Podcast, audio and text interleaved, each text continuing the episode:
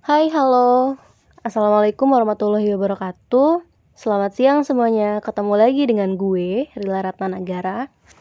Di podcast siang ini, uh, gue akan melakukan Q&A.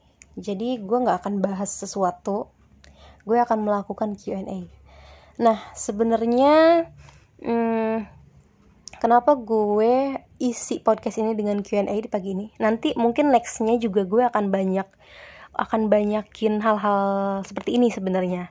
Tujuannya adalah gue ingin melatih diri gue sendiri untuk bisa beropini gitu. Untuk bisa mengutarakan pendapat dan hmm, agar lebih tersusun gitu kali ya. Jadi sebelumnya ini gue pernah ikut suatu klub public speaking di daerah Jakarta jadi di klub itu gue diajarkan cara untuk berpendapat tanpa mempersiapkan apa pun gitu. Jadi secara spontan dan instan gitu ya.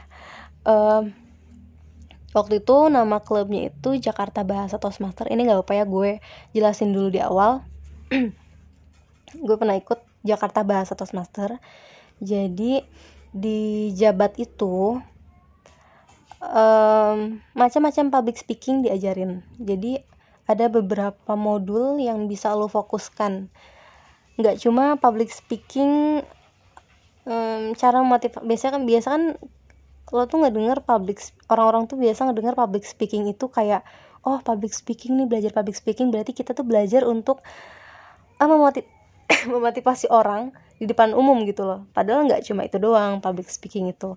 Kalau di Jabat waktu itu sih banyak banyak modul-modul tertentu gitu. Ada uh, yaitu salah satunya lo bisa belajar untuk jadi motivator. Yang nanti materinya itu khusus untuk skill-skill yang motivasi orang gitu loh. Terus ada juga modul yang berfokus pada gimana cara kita presentasi di depan karyawan misalkan lo sebagai atasan gitu. Ada yang public speaking yang fokusnya ke situ. Terus ada beberapa juga uh, modul yang fokus ke bagaimana cara kita bicara depan umum tapi lebih banyak humornya daripada hal-hal yang terlalu kaku gitu loh. Jadi cara ngejokes aja gitu kali ya di depan umum. Itu ada juga modul dan skill yang diajarin tertentu di situ. Terus ada juga waktu itu gue ngambil modul yang belajar bicara tapi antar individu ke individu. Jadi lebih pendekatannya itu uh, kedua orang gitu ya. Karena jujur kenapa gue ngambil itu? Gue ngerasa gue tuh orangnya nggak bisa apa ya nggak bisa membangun hubungan dengan orang lain gitu. Gimana ya gue jelasin ya? Eh, nggak tau lah pokoknya gue ngerasa begitu aja. Gue ngerasa nggak bisa gitu. Kalau ada gue misalkan terus ada orang baru gue tuh bingung harus ngomong apa gitu. Terus gimana cara supaya kita itu bisa ngobrol panjang dan asik gitu asik gitu. Nah gue nggak bisa. Gue ngerasa gue kurang skillnya di situ. Makanya waktu gue ikut jabat gue coba untuk hmm, nyoba di modul itu. Tapi ya walaupun sebenarnya gue nggak lama sih ya ikut jabatnya karena kan keburu pandemi. Gue baru berapa kali datang ya waktu itu. Kayaknya cuma lima kali datang deh di jabat itu. Terus keburu pandemi akhirnya uh, Jakarta Bahasa Toastmaster itu uh, ini kan karena pandemi akhirnya pindah ke online pertemuan online gitu kayak lewat zoom. Cuman kalau lewat zoom sih menurut gue kayak kurang gitu loh kurang apa ya kurang enak aja gitu daripada ketemu orang-orang langsung. Terus gue ikut di pertemuan zoom beberapa kali pertemuan gue juga ikut gitu. Terus sempet terus ikut membernya juga gitu. Nah nanti mudah-mudahan sih rencana setelah pandemi gue pengen ikut lagi kelasnya di tempatnya langsung gitu. Nah terus yang menarik dari klub ini adalah jadi selain kita belajar pidato yang dipersiapkan itu kita juga belajar e, cara berpidato secara spontan gitu. Jadi ada namanya sesi kita biasa sebut sesi pidato dadakan atau table topic ya. Di sesi itu ada MC nanti ada MC yang mempersiapkan banyak pertanyaan baik itu pertanyaan secara langsung atau um, atau dalam bentuk clue misalkan gitu. Nanti jadi si member itu yang datang ke situ dipanggil satu persatu siapa yang mau maju nanti MC kasih clue atau kasih pertanyaan. Nah member itu harus jawab clue atau pertanyaan itu langsung di tempat gitu. Nanti setelah itu biasanya ada kayak sesi untuk um, saling krit kasih kritik dan saran gitu. Ada jurinya juga gitu ya yang ngasih masukan sama uh, kritik di situ nah itu sih sesi yang paling menurut gue bagus lah gitu ya. Nah di sini di podcast ini gue mau coba untuk mempraktekkan hal itu gitu. Jadi gue mau coba untuk beropini guys. Kita cari dulu pertanyaannya ya. Panjangan gak sih? Nggak apa-apa ya. Ini tuh kayaknya bakal lama deh podcastnya. Um, apa ya? Sebentar ya gue cari dulu di webnya Toastmaster. Pertanyaan-pertanyaan yang akan gue jawab hari ini.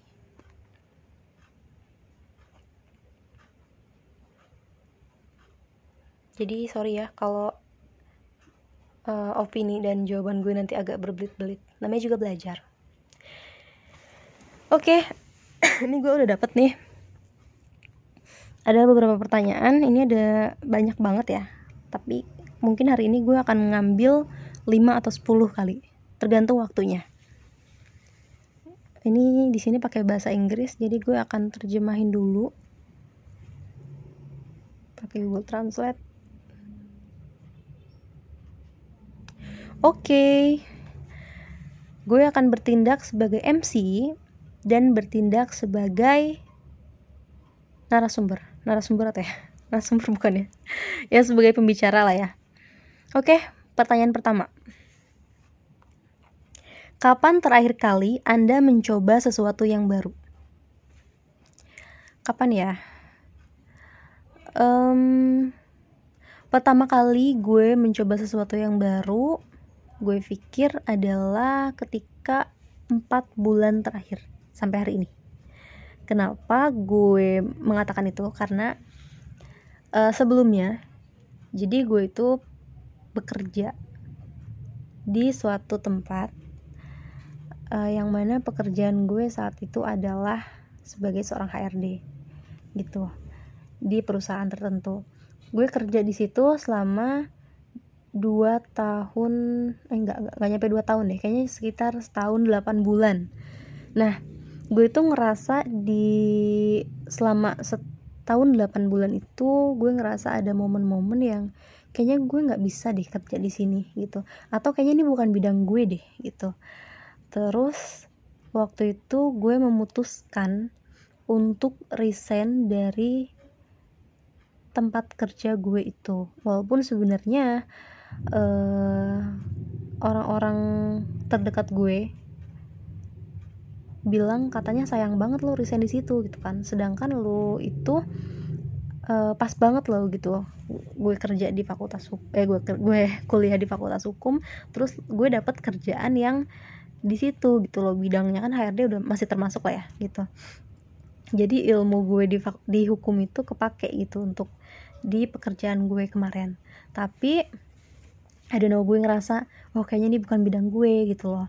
Nah terus akhirnya gue resign di situ setelah resign ada tawaran pekerjaan dari temen gue yang kuliah di UNJ anak olahraga. Dia bilang real uh, mau ini nggak? Mau kerja nggak? Dia bilang gitu. Oh nggak. Sebelumnya tuh sebelumnya gue sempet nanya sama dia. Namanya Rio ya. Gue nanya sama Rio waktu itu yuk lu ada locker nggak? Kalau sana ada locker bagi-bagi ya gitu.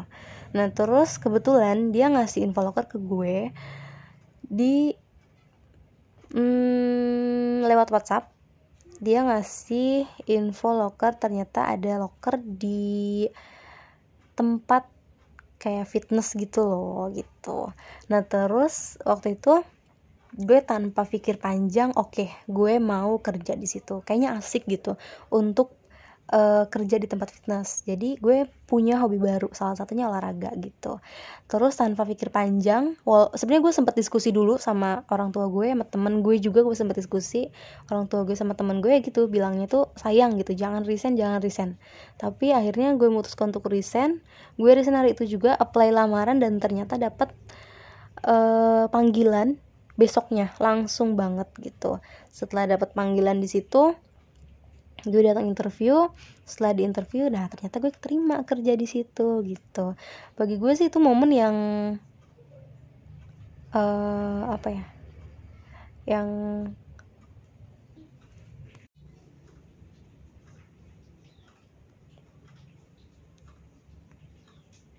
sorry rekamannya ke pencet jadi berhenti. Oke lanjut.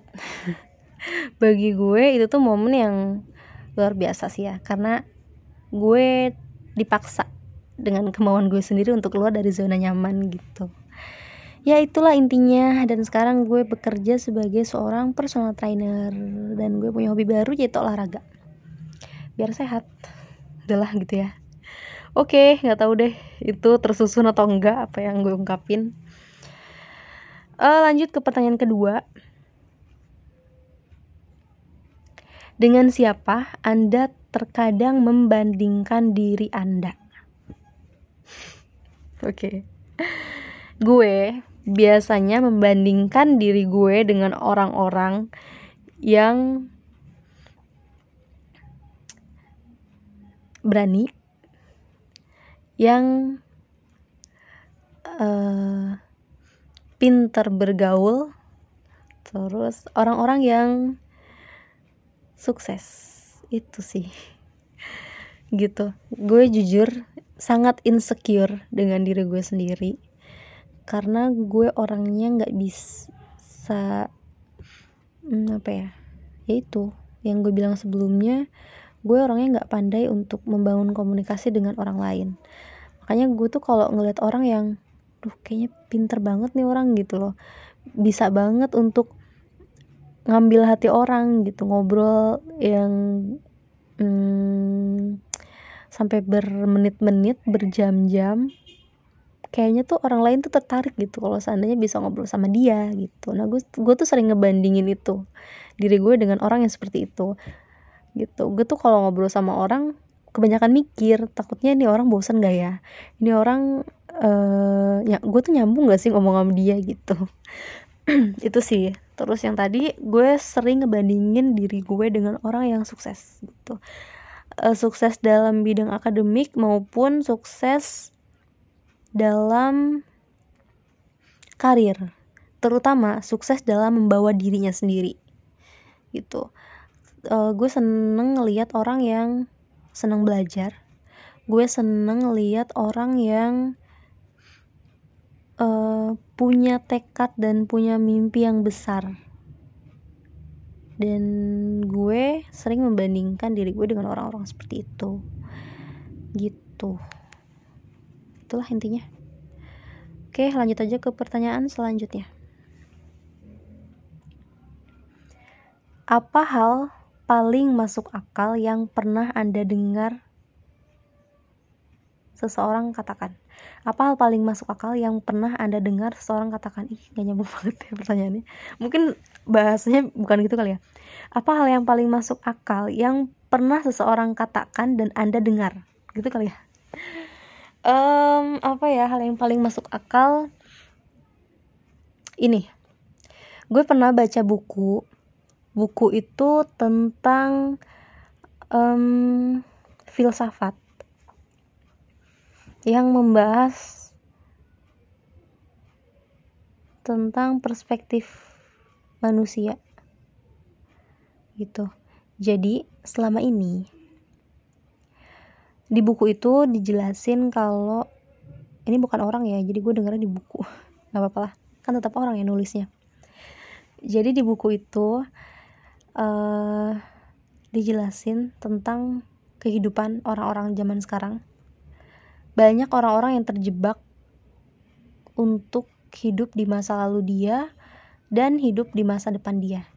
Jadi banyak orang tuh yang terlalu mikirin masa lalu dia sampai dia tuh kayak uh, terlalu fokus dengan masa lalu dia sampai lupa untuk menjalani hidup dia di hari ini gitu nah, terus ada juga beberapa orang yang terlalu fokus dengan kehidupan masa depan dia. Dia itu kayak mengejar sesuatu yang uh, kayak kita tuh kayak orang yang sedang berlomba-lomba untuk paling cepet gitu. Tapi apa sih sebenarnya yang mau kita ambil? Apa sih sebenarnya mau kita capai? Sampai kita tuh lupa untuk menikmati proses kita sendiri gitu loh. Nah waktu itu gue memang gue tuh lagi dalam posisi itu gue kayak lagi ngejar mimpi gue tapi apa sih sebenarnya dari mimpi itu gitu loh. Nah terus waktu itu gue baca buku itu jadi di buku itu ada teori bukan teori ada cara-cara um, eh apa sih jemputnya apa ya? Ya mungkin teori kali ya ada teori zen. Jadi di dalam teori zen itu kita disarankan untuk menempatkan diri kita pada hari ini. Detik ini dan menit ini gitu. Jadi kita disuruh untuk menjalankan kehidupan kita dari waktu ke waktu dari menit ke menit. Lo tetap punya uh, tujuan tetap punya masa de tetap punya tujuan masa depan tetap harus mengingat masa lalu tapi lo jangan lupa untuk hidup di hari ini. Jadi waktu gue baca buku itu kayaknya itu sangat menyadarkan diri gue sih kalau bahwa selama ini gue itu terlalu fokus kepada hal-hal yang eh, nggak uh, masuk akal gitu. Masuk akal tapi hmm, hal-hal tersebut membuat diri gue itu seperti nggak hidup. Gitu nggak hidup. Gimana ya dalam artian lo hidup di hari ini tapi tapi pikiran lo itu ada di masa depan gitu loh ada di masa depan atau masa lalu lo gitu. Nah terus setelah mendengar itu ya iya sih menurut gue masuk akal juga gitu. Bahwa gue itu mulai sekarang tuh harus menjalani kehidupan dari menit ke menit detik ke detik dan hari ke hari itu menghadirkan diri gue pada saat ini. Itu. Oke pertanyaan selanjutnya. Pertanyaan keempat apa yang membuat anda bersemangat tentang hidup? Apa ya? Um, yang membuat gue bersemangat tentang hidup adalah ketika gue bisa terkoneksi dengan orang-orang di sekitar gue. Terus gue bisa bersemangat dalam hidup ketika gue bisa menempatkan diri gue dengan kepribadian yang gue mau gitu. Mungkin itu kali ya. Nggak tahu deh. Udah lanjut aja next. Yang kelima, pelajaran hidup apa yang Anda pelajari dengan cara yang sulit? Pelajaran hidup apa yang Anda pelajari dengan cara yang sulit? Selama lima tahun terakhir, semenjak gue lulus di SMA, gue memutuskan untuk pindah ke Tangerang. Dan dengan uh, semangat dan juga dengan tekad yang menggebu-gebu untuk uh, untuk mengejar suatu cita-cita waktu itu. Um, gue nekat untuk tinggal di Tangerang ngekos gitu. Terus gue mencoba untuk menantang diri gue sendiri untuk bisa ngidupin diri gue sendiri gitu. Dan pelajaran hidup yang gue pelajari adalah yaitu betapa sulitnya kita untuk hidup sendiri, untuk menghidupi diri sendiri, dan betapa sulitnya kita untuk uh, mengejar dan mengikuti arus di zaman ini mungkin gitu sih. Udahlah nggak nyambung. Udah lanjut ke pertanyaan keenam. Apa yang anda harap anda lakukan lebih banyak waktu lima tahun yang apa gimana sih pertanyaannya? Apa yang anda harap anda lakukan lebih banyak waktu lima tahun yang lalu? Ini karena dari bahasa Inggris ke bahasa Indonesia jadi terjemahannya gak nyambung banget ya. Mungkin apa yang anda harap apa yang anda harapkan jika anda kembali kepada lima tahun yang lalu apa yang ingin anda lakukan di lima tahun yang lalu? Mungkin gitu kali ya. Oke. Menurut gue nggak ada. Gue merasa apa yang sudah gue putuskan dan gue lakukan di lima tahun yang lalu lima tahun lalu yang lalu itu berarti tepat di saat gue memutuskan untuk merantau gue memutuskan untuk memilih jalan gue sendiri uh, terutama tentang kuliah dan kehidupan dan tentang membangun karir juga diri sendiri dan apa ya tentang bagaimana cara gue ingin mengembangkan diri. Gue memutuskan untuk pergi merantau ketika itu dan ada beberapa hal yang gue putuskan. Um, padahal waktu itu banyak pertentangan gitu sebelum gue memutuskan untuk pindah itu. Dan apa yang gue lakukan lima tahun yang lalu gue nggak menyesal sih sebenarnya. Jadi nggak ada yang pengen gue rubah. Itu terus oke okay, lanjut aja next. Ke pertanyaan ketujuh. Apakah anda mengajukan cukup banyak pertanyaan? Atau apakah Anda puas dengan apa yang Anda ketahui? No, aku nggak puas dengan apa yang aku ketahui. Aku sangat, kok jadi aku ya? Gue sangat uh, ingin tahu banyak hal. Gue adalah orang yang tipe orang yang pengen tahu banyak hal, pengen belajar banyak hal, pengen diskusiin banyak hal. Jadi gue merasa tidak puas dengan apa yang gue ketahui saat ini itu oke okay, next siapa yang anda cintai dan apa yang anda lakukan untuk saat ini gue sedang mencintai diri gue sendiri dan mencintai orang tua gue. So I hope aku bisa melakukan yang terbaik untuk diri gue sendiri. Dengan begitu gue merasa sudah melakukan yang terbaik untuk orang tua. Gitu. Salah satunya ya gue harus bikin diri gue sendiri berkembang. Dari waktu ke waktu tentunya berkembang ke arah yang lebih baik. Gitu.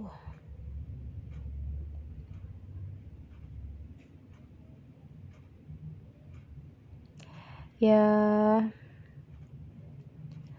apa yang anda lakukan? Ya salah satu upayanya gue belajar gue menghargai diri terus mengembangkan potensi memperbaiki kekurangan itu oke apa keyakinan yang anda pegang yang tidak disetujui banyak orang apa ya Ntar gue mikir dulu.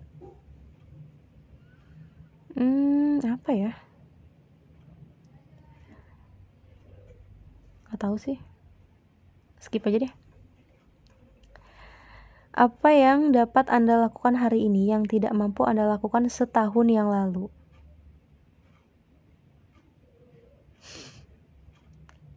Kok jadi pengen ketawa ya? Oke, okay, yang dapat gue lakukan hari ini dan tidak mampu gue lakukan setahun yang lalu adalah